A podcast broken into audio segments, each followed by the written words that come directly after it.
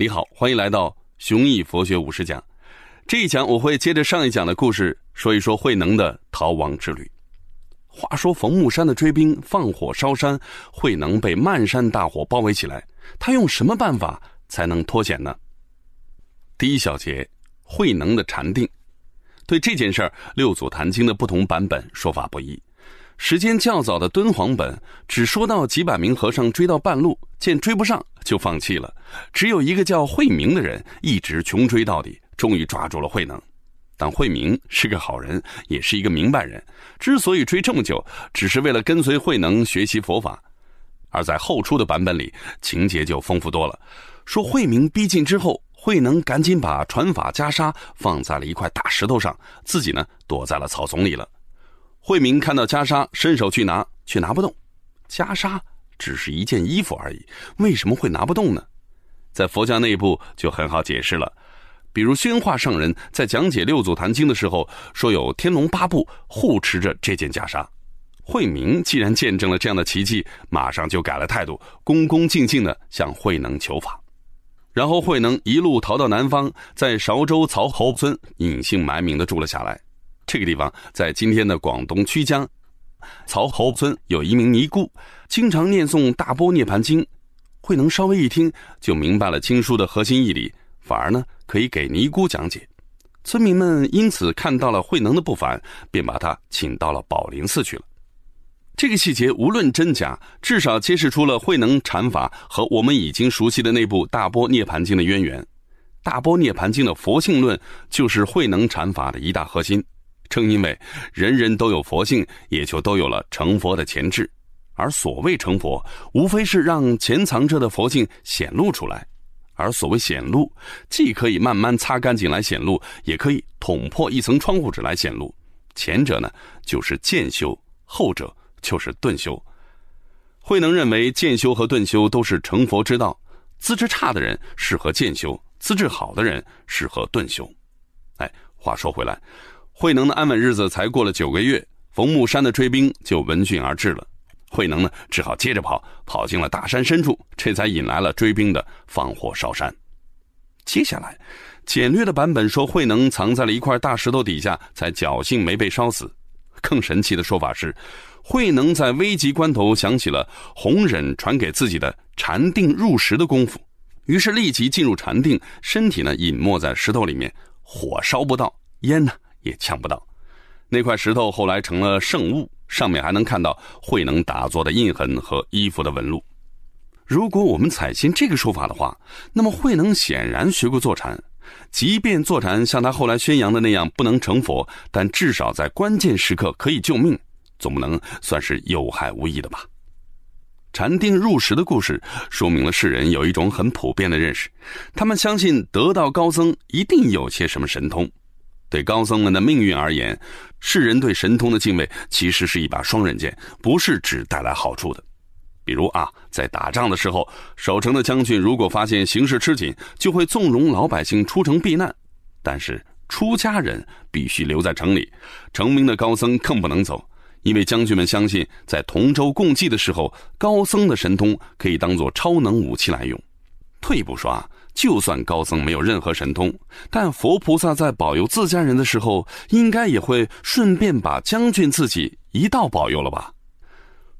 第二小节风雨帆，慧能在韶州暴露行藏之后，不得不再次踏上了逃亡之路。这一天呢，来到了广州的法性寺，正好赶上印宗法师开坛讲解《大波涅盘经》，一段著名的公案就此发生。印宗法师正在台上讲经，忽然风吹帆动，两个和尚呢就为这点小事起了争执，一个说风动，一个说帆动，这两个人呢谁也说不服谁。慧能呢在旁边插嘴了：“气不是风动，也不是帆动，而是你们的心在动。”这话呀把所有人都惊呆了。印宗法师早就听说弘忍有一个传人南下，一问之下，慧能呢。便也如实说了，又拿出了如假包换的传法袈裟，引得大家纷纷礼拜。接着，慧能又讲了讲佛心的道理。印宗法师越听越激动，说自己以前所学全是瓦砾，这回总算见到真经了。接着，印宗拜慧能为师，可慧能呢，这时候还是一个俗家人。印宗便为慧能剃度受戒，慧能这才算真正当了和尚。风动翻动的故事流传了很久，在当时更是经四座的庙宇，一定有它高明的地方。但是，到底高明在哪里呢？我们从常识来看，风当然是主动的一方，帆是被动的一方。帆原本静止不动，因为刮起了风，所以被风吹动。这难道还有什么值得争论的吗？如果我们换一个表达，某人骑着单车，哎，从你面前经过，到底是人动还是车动呢？如果人也没动，车也没动，只是你的心在动，那么这个骑车的人怕是永远也骑不到目的地吧？我们应该想到的第一点是，这种无聊问题凭什么值得争论呢？具体来说，为什么两个和尚会争论风动翻动的问题呢？原因很简单，运动到底存不存在？这是一个经典的哲学问题，同样也是一个经典的佛学问题。我们呢，只谈佛学里边的看法。